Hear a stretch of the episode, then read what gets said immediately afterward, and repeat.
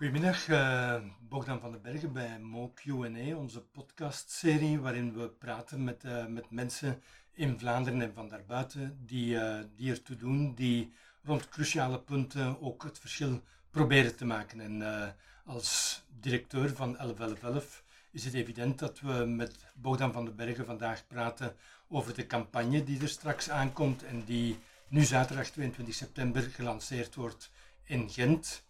Bogdan van den Bergen, hartelijk uh, welkom bij deze podcast. Opvallend, het is het tweede jaar op rij dat 1111 campagne voert rond migratie. Het is een thema dat uh, vroeger redelijk ver af lag van uh, de Noord-Zuid-beweging. nu lijkt het heel cruciaal te zijn, niet alleen in de samenleving, maar ook voor de Noord-Zuid-beweging. Waarom is dat zo? Dat klopt. Um, toen we vorig jaar beslisten om rond dit thema te werken, was dat zeggen, met een bang hartje, omdat een aantal vrijwilligers vreesden voor de reacties op straat, hoe er zou op gereageerd worden door de mensen die aan ons schenken enzovoort. Um, maar eerlijk gezegd, uh, we hebben dat met zeer veel overtuiging gedaan en gezegd, die risico's nemen we er dan bij. En we hebben een zeer goede campagne achter de rug. Eén, um, omdat we denk ik echt op de actualiteit zaten en, en, en zagen en duidelijk aanklaagden wat er gebeurde in het zuiden op, op, op dit moment rond migratie. En twee, omdat we ook hebben aangevoeld dat de mensen um, eigenlijk de polarisering rond dat debat, een groot stuk van de mensen is dat eigenlijk beu. Ik ben veel gaan spreken in scholen, in bedrijven, um, in, in, in uh, avonden. En ik merk dat mensen eigenlijk op zoek zijn naar constructieve oplossingen rond dit thema. Uh, dus met een bang hartje begonnen vorig jaar, maar een goede campagne achter de rug. En nu vooral zien dat ondanks het feit dat de meeste mensen eigenlijk een constructieve, positieve oplossing daar zoeken, dat het beleid niet volgt en um, dat het eigenlijk, uh, hoewel in de feiten de problematiek is afgenomen, in het discours en in, in de politiek beleid uh, uh, dringend nodig is om, om een andere richting uit te gaan. We kennen 1111 nogthans als een organisatie die de zaken graag op scherp stelt. Dus uh, het, het, is een beetje verrassend dat jullie nu afkomen om te zeggen: nee, die polarisering moet eindigen. We moeten, uh, we moeten een, een, redelijk discours voeren. We moeten zoeken naar de nuance. Um, is, dat, is dat nieuw voor 1111 of is dit specifiek op dit dossier rond migratie? Ik denk dat het niet uitsluit dat je af en toe scherp kan zijn in de veroordeling van dingen die fout lopen. Maar ik denk wel dat. Um, dat je in de samenleving op dit moment een zeer grote groep mensen hebt die twijfelt. Die twijfelt welke richting gaat, moet dit nu uit. En ik denk dat die er niet mee gediend hebben een zwaar gepolariseerd debat. Wat er niet hetzelfde is, je mag mensen prikkelen, je mag wel scherp uit de hoek komen, maar je moet toch proberen een, een, een, een, een discours te brengen dat een beetje gerustgevend ook is voor mensen. Want er, er wordt zeer veel verteld en in vormen van angst en, en, en, en dergelijke. En ik denk dat we er niet aan moeten meedoen. Daar moeten wij eigenlijk echt boven staan. Deze zomer zorgden jullie zelf wel voor uh, wat ophef rond, uh, rond de hele thematiek door een opvallende advertentie in de Standaard die een, uh, een echte storm teweegbracht in het midden van, van de zomer. en, en de advertentie, voor wie ze toevallig toch nog niet zou gezien hebben, bevatte een typisch beeld van een, een bootje met vluchtelingen op de Middellandse Zee, met daar een advertentieachtige tekst bij van banen in Vlaanderen of in België die niet ingevuld En, en de boodschap was, uh, we moeten niet die bootjes terugsturen, maar we moeten eigenlijk constructief werken met de mensen die willen komen. Dat was tenminste de boodschap die daar op het eerste zicht uitsprak. Was, was daar de bedoeling om inderdaad het debat open te breken en, en een ander soort mening te geven? Of waren jullie toch een beetje verrast door de storm die opstak? Nee, de bedoeling daar was zeker om uh, scherp uit de hoek te komen, zoals je er net ook zei. net ook zei. Dat was de bedoeling, heel duidelijk, om uh, het beeld dat we altijd kennen van die bootjes, van mensen die door ons moeten gered worden, om het beeld eens om te draaien. Te zeggen, er zijn hier 140.000 vacatures in België, redding is nabij. Want dat stond op de affiche, ja. redding is nabij. En, en daaronder staat, migratie werkt als we het laten werken. Omdat dat is wat we geloven. Dus dat was een heel simpele affiche, waarmee we het debat wilden openen. En we hadden wel verwacht dat er wat discussie over zou kunnen zijn. Bijvoorbeeld, zijn al die mensen direct klaar voor de arbeidsmarkt? Nee, dat is niet zo, maar ik denk ook dat mensen weten, als je Red Bull drinkt, dat je niet onmiddellijk vleugels krijgt. Dat debat wilden we wel graag voeren van, hoe moet het dan wel? Hoe komen die mensen op de arbeidsmarkt? En wat doen we met een belangrijk dossier dat deze regering totaal heeft laten liggen, namelijk dat van de arbeidsmigratie. Waar wij allerlei voorstellen hebben die we gemaakt hebben samen met de vakbonden, die ook ondersteund worden door de werkgevers Met andere woorden, is een zeer breed middenveld dat uh, gedragen standpunt in het middenveld om rond arbeidsmigratie te werken. Dat debat wilden we openen en daar hebben we ook een sterk dossier rond. Maar ik moet toegeven, heel eerlijk achteraf bekeken, had ik niet verwacht dat die advertentie ertoe zou leiden dat uh, op de sociale media wij beschuldigd zouden worden van mensensmokkel of van het promoten van illegale migratie. Dat zegt die affiche niet, dat moet je erin willen zien. Dat zegt hij totaal niet en ik had niet verwacht dat dat zou gebeuren. En net die interpretatie is op sociale media heel hard gaan leven. Uh, en dat had ik niet verwacht. Ik ga er ook eerlijk in zijn, dat had ik niet verwacht, omdat het een totale foute lezing is van, van wat daar staat. Ja, wat, wat jullie wel doen in, in dat beeld, is, uh, is vluchtelingen en migratie, arbeidsmigratie met name, binnen één beeld vatten en dus eigenlijk amalgameren. Het mhm. lijkt alsof migratie en vluchtelingen dat dat hetzelfde is. Is dat voor jullie hetzelfde of op welke manier moeten we daarin onderscheid maken of niet? Nee, dat is niet hetzelfde en, en dat is de discussie die we ook een beetje verwacht hadden. Sommige mensen op die boten kunnen volgens ons direct hier op de arbeidsmarkt terecht. We vergeten dat soms, maar ook van die vluchtelingen, of zelfs economische vluchtelingen, als we het zo noemen, uh, hebben een opleiding gehad in eigen land en kunnen hier op de arbeidsmarkt uh, aan bod komen. Anderen niet. Hè. En we moeten dat onderscheid blijven maken tussen vluchtelingen en uh, migratie. De bedoeling van ons was ook om eens een ander aspect van migratie te laten zien. Want heel dikwijls is er een negatieve connotatie rond migratie. Wordt er bekeken als een, een, ze komen hier indringen of ja, allerlei negatieve connotaties, terwijl wij denken dat migratie een positief verhaal is. Er is op dit moment niet alleen een arbeidstekort op de Belgische markt, maar in heel Europa, en de voorspellingen zijn dat dit nog gaat vergroten, zal er een zwaar arbeidstekort komen in sectoren als de bouw, in sectoren als de zorg enzovoort. Dus en wij denken, migratie is een onderdeel van de oplossing voor dat tekort. Ja. Uh, en, en, ik denk dat dat belangrijk is dat mensen en politici ook dat discours gaan ontwikkelen. Dat de migratie niet een probleem hoeft te zijn, maar een onderdeel van de oplossing kan zijn. En dat willen we absoluut in deze campagne nog meer naar voren brengen. Migratie werkt als we het laten werken. Het gaat in tegen het uh, discours, dat heb je zelf ook al aangegeven. Een, een discours dat focust op niet zozeer op concrete problemen, maar op dreigingen die uitgaan of die samenhangen of die verbonden worden met migratie. Uh, op welke manier kan je dat in de concrete realiteit keren, dat soort angstdiscours? Dat is de vraag. Hè? Dus dat is de vraag. Wat wij willen doen, is met zo'n affiche doen nadenken. Wat wij ook gaan doen, en ook in de vorige campagne hebben we gedaan, een, een heel gemakkelijke, menselijke slogan gebruiken. Allemaal mensen onderweg naar beter. En proberen uh, in onze campagne ook mensen eens in de voeten en de schoenen te laten staan van mensen op de vlucht. Om eens te laten kijken, wat zou je zelf doen? Dus empathie is denk ik een heel belangrijk element om, om, om die ja, soms totaal overdreven angstgevoelens en dreigingsgevoelens weg te krijgen. En daar willen we heel hard op werken. jullie geven in, in sommige teksten ook aan dat er een, eigenlijk een heel groot draagvlak is voor, uh, voor een menselijke omgang met, uh, met vluchtelingen met name, of met migratie in, het, in de bredere zin. Hoe komt het dat er aan de ene kant dat grote draagvlak lijkt te zijn, en langs de andere kant het, uh, het angstdiscours en het populisme daar rond zoveel aanhang lijkt te hebben? Dat is, dat is wel één wat betreft onze beweringen daarover, dat is onderzoek natuurlijk. Hè. We hebben vorig jaar zelf onderzoek gedaan uh, waaruit blijkt dat ongeveer 80% van de mensen voor een heel humaan vluchtelingenbeleid is in Vlaanderen. Dat is toen schamper onthaald door bijvoorbeeld Theo Franke. Maar de Eurobarometer een paar uh, maanden later wees op 75 à 78 procent. Dus ik denk dat dit gewoon feiten zijn als we het hebben over vluchtelingen. Over migratie zijn de gevoelens wel anders hè, en, en, en, minder positief. Uh, maar dus voor ontvluchtelingen en een humaan beleid daar rond denk ik dat het draagvlak zeer groot blijft.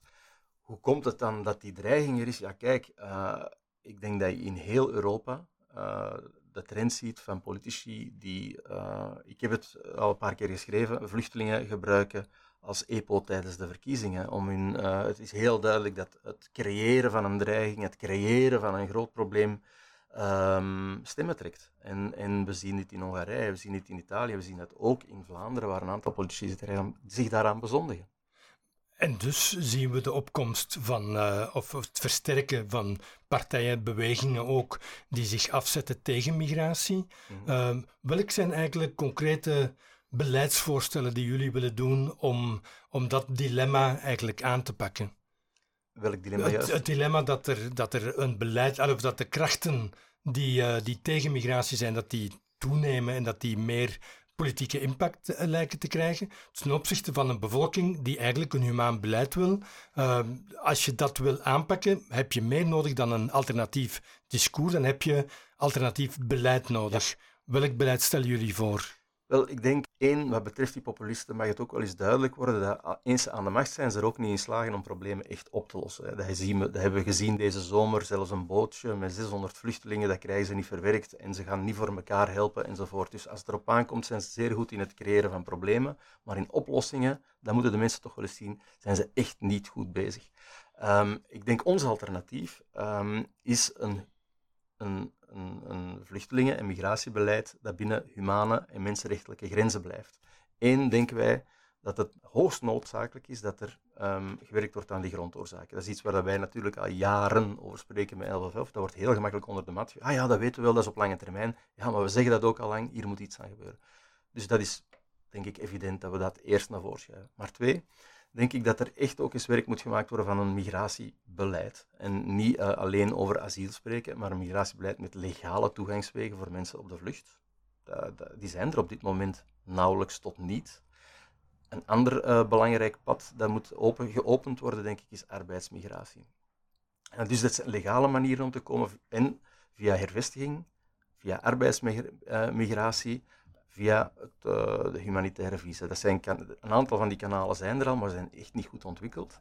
Ik denk als je die fatsoenlijk ontwikkelt, hè, en bij arbeidsmigratie moet dat niet gaan om permanente migratie, dat kan circulaire migratie zijn, dat kan tijdelijke migratie zijn. Als je die drie kanalen op een goede manier ontwikkelt, dan, ja, dan, dan geef je ook het signaal aan uh, landen van herkomst dat je bereid bent om een deel van uh, de migratie op te nemen. Op dit moment bestaat dit signaal niet. Want het enige signaal dat we geven is: hou ze bij, zeker niemand naar hier. Op het moment dat je dat signaal geeft, denk ik dat je met die landen ook partners kan vinden om uh, bijvoorbeeld uh, werk te maken van terugkeerakkoorden. We horen het, onze staatssecretaris Theo Franke dikwijls zeggen, krijg een terugkeerakkoord enzovoort. Waarom zouden die landen terugnameakkoorden afsluiten met ons? Er is geen enkele reden voor. Zij vragen ook om legale kanalen. Als die legale kanalen er zijn, kan er ook beter werk gemaakt worden van een terugkeerbeleid waar wij niet tegen zijn. Want in tegenstelling tot wat iedereen zegt, zijn wij niet voor open grenzen. Op een bepaald moment moet er ook uh, een terugkeerbeleid zijn. En dat zal nodig zijn met terugnameakkoorden. Maar terugnameakkoorden die ga je afsluiten met landen op basis van gelijkwaardigheid en niet onder druk. Ja, dat betekent dan, of dat is een, is een vraag eigenlijk, uh, in, in het soort beleid dat jullie voorstaan, spreken we dan eigenlijk over meer migratie, omdat het een positief gegeven is? Of, uh, of hebben jullie daar geen visie op uh, hoe, in, in, of hoe gaan we in, in termen van hoeveelheden migratie dat, moeten dat denken een, voor de toekomst? Dat is een, een heel moeilijke vraag voor ons. Laat me, uh, laat me zeggen, um, we, moeten, we moeten denk ik eerlijk zijn, iedereen opvangen in Europa, dat zal niet lukken. Maar op dit moment, als er 86, 84 procent, sorry, van de mensen opgevangen wordt in, in laten zeggen, het zuiden, in ontwikkelingslanden, dan betekent dat dat wij iets meer zullen moeten doen. Ik denk dat het aan politici is om te zeggen en te voelen in de samenleving waar de grenzen daar rond liggen op basis van objectieve criteria. Onderzoek, economische draagkracht, draagkracht van ons sociaal zekerheidsstelsel enzovoort. En wij voelen nu wel heel duidelijk aan dat bijvoorbeeld wij dit gemakkelijk economisch en sociaal aankunnen op dit moment om de mensen nu op, die er nu komen op te vangen en eventueel nog een aantal mensen meer op te vangen. Maar het is aan politici om die grenzen te stellen, want stel je voor dat je zegt, ik geef maar een voorbeeld, 250.000 vluchtelingen per jaar kan je aannemen. Wat moeten wij dan zeggen tegen die 251.000ste vluchteling? Als organisatie, als NGO, is dat zeer moeilijk om daar iets over te zeggen. Ik denk dat daar de politiek grenzen moet stellen op basis van criteria die wij dan ja, bediscussiëren. Want de politiek doet dat, uh, maar die grenzen die ze stellen in, in Vlaanderen of België, maar zeker in Tsjechië of in, of in Hongarije, die zijn zo laag dat jullie zeggen: dit is niet menselijk, dit is niet wenselijk. Voilà, ik denk daar zit de grote Achillespees van elk alternatief verhaal. Van elk, want als je zegt meer legale kanalen, uh, el, elke, el, de Achillespees is dat speidingsplan binnen Europa.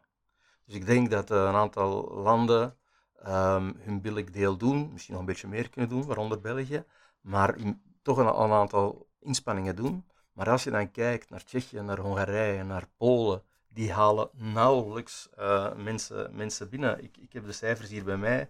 Um, in Tsjechië hebben ze er 12 vluchtelingen opgevangen. In Hongarije 0, in Polen 0, in Slowakije 16. Als je dat ligt naast de strees, dat zijn extreem, extreem lage cijfers. Ja, op die manier gaat Europa het natuurlijk niet kunnen doen.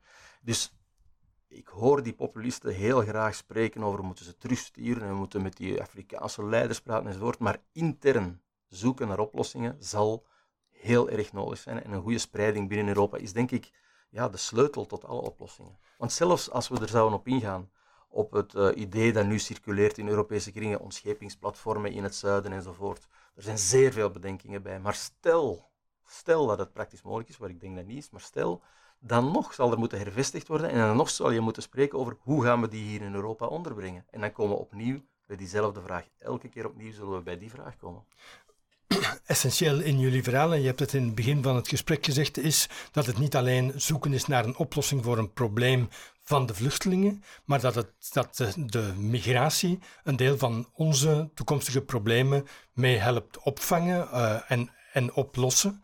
Um, is, is daar voldoende vraag naar als je ziet dat in Zweden bijvoorbeeld, waar men wel uh, zijn redelijke deel gedaan heeft van de opvang in 2015, of Duitsland, mhm, mhm. dat net daar extreem rechts opgang maakte en dat elk minimaal incident opgeblazen geraakt tot een soort nationale crisis. Uh, het blijkt toch heel erg moeilijk in Europa om Europa te denken en te zien als een divers en, en multicultureel continent. Ja, dus eh, het antwoord zit voor een deel in uw vraag, denk ik. Ehm, elk feit wordt opgeblazen. Hè. Ik denk dat je daar... Ja, dat, dat, geeft een enorm effect. Als je kijkt, bijvoorbeeld, je hebt Duitsland genoemd en je hebt Zweden genoemd. Um, Duitsland heeft zeker zijn fair deel gedaan. Met Weerschaffendas heeft, is er veel volk binnengekomen in, in Duitsland. Ik heb een maand geleden de cijfers gezien. Ondertussen zijn er al 300.000, geloof ik, van die vluchtelingen die zijn binnengekomen aan het werk. Met andere woorden, Weerschaffendas. In Duitsland werkt het. In Zweden is de economie aan het groeien. En de veiligheidsstatistieken in Zweden zijn prima, die nemen af. In Duitsland overigens ook. Dus als je naar de feiten kijkt, doen we het gewoon. Alleen, zoals je zegt, worden er soms fedivers of particuliere gevallen die we ook niet onder de mat willen schuiven. Dat is niet, maar die worden zo groot zo uitvergroot dat je ehm, dat je een verkeerd beeld krijgt. En dan komen we terug naar het discours, dat wordt dan aangegrepen om een aantal dingen te brengen. Dus dat discours is heel, heel, heel belangrijk. Een ander punt wat je daar straks uh, even tussendoor vermeldde is het aanpakken van grondoorzaken. Dat is de core business, mhm. zou je kunnen zeggen, van, uh, van 1111, waar de organisatie al tientallen jaren rondwerkt. Uh, is ontwikkeling brengen in met name Afrika of het Midden-Oosten, want daar spreken we over in eerste instantie als we het over migratie hebben vandaag, is dat de lange termijn sleutel om migratie te verminderen. En als we het dan gaan verminderen, maken we dan geen probleem waar jullie het willen oplossen met meer of beter gerichte migratie? Wel, ik denk dat um, het aanpakken van de grondoorzaken ik zou niet de term ontwikkeling gebruiken, maar het creëren van perspectief ter plekke. Toekomstperspectief ter plekke. Want waarom gaan mensen weg uit hun land? Omdat er geen toekomstperspectief ter plekke is. Wanneer trek je de deur van je eigen land achter je dicht? Dat zijn zeer weinig mensen die dat zomaar doen. De meesten doen dat omdat er geen enkel perspectief is. Dus ik denk, ja, dat is de oplossing. Um, maar we weten ook dat dat op korte termijn zelfs een beetje meer migratie kan veroorzaken. Ik denk dat we ook heel eerlijk daarover moeten zijn. Op korte termijn zien we in alle landen die um, ontwikkelen, dat er een beetje meer migratie komt. Uh, en op langere termijn zie je dat de mensen dan terugkeren naar hun land, en omdat er perspectief is om zelf uh, een aantal zaken te doen. Dus dat is de, way, de, de weg vooruit. Um, we spreken hier over een pad van 10, 15 jaar. We gaan, de mensen die zeggen dat dit op 1, 2, 3 opgelost is, ja, dat kan niet. Maar wanneer gaan we eens aan beginnen? Dat is de vraag die wij zelf stellen. Hoe lang zeggen we dit al? Dat het toekomstperspectief ter plekke dramatisch is en dat dat gevolgen zal hebben, dat zeggen wij al veel jaar. Dus er moet heel snel aan begonnen worden en liefst op een veel snellere en betere manier dan in het verleden. Want wat Europa nu doet, meestal uh, in gesprek en in samenwerking met landen zoals Turkije of in, of in Afrika, is afspraken maken over het begrenzen van de van de, de mogelijkheden om te bewegen. En eigenlijk gaat er meer geld van ontwikkeling naar het beschermen van onze grenzen dan andersom. Ja, en dat is eigenlijk, ik, ik word zeer veel, zeer veel gevraagd om debatten te doen over hulp, werkt hulp of werkt hulp niet. Hè. Ehm, en, en ik vind wat we nu zien in de ehm, zogenaamde migratieproblematiek en de manier waarop bijvoorbeeld ontwikkelingssamenwerking wordt ingezet om de Libische kustwacht te financieren, om deals te maken um, in Soudaan met uh, een, een, regime dat veroordeeld is voor genocide, om uh, in Niger een aantal zaken te, uh, te financieren, zoals douane, begrenzing, apparatuur. Um, dit is eigenlijk dramatisch. Dit is hulp die niet werkt. Ik denk de gevolgen in Libië zijn dramatisch. We zien dat de overtocht naar Europa veel moeilijker en veel dodelijker is geworden en dat er veel meer mensen worden teruggestuurd in detentiecentra die vergeleken worden door de Duitse ambassadeur met concentratiekampen. Dus dit is niet waar hulp toe dient, integendeel. In Niger bijvoorbeeld zien we dat lokale fricties en lokale spanningen opgeklopt worden door het uh, helpen bij de ene groep en, uh, en het niet helpen met de andere groep, om toch maar die grenzen dicht te houden. Um, dus het tegenovergestelde van perspectief en ontwikkeling gebeurt daar. Er is mogelijk nieuwe conflicten opkomst die meer migratie gaan uh, veroorzaken. En in Sudan zien we hetzelfde.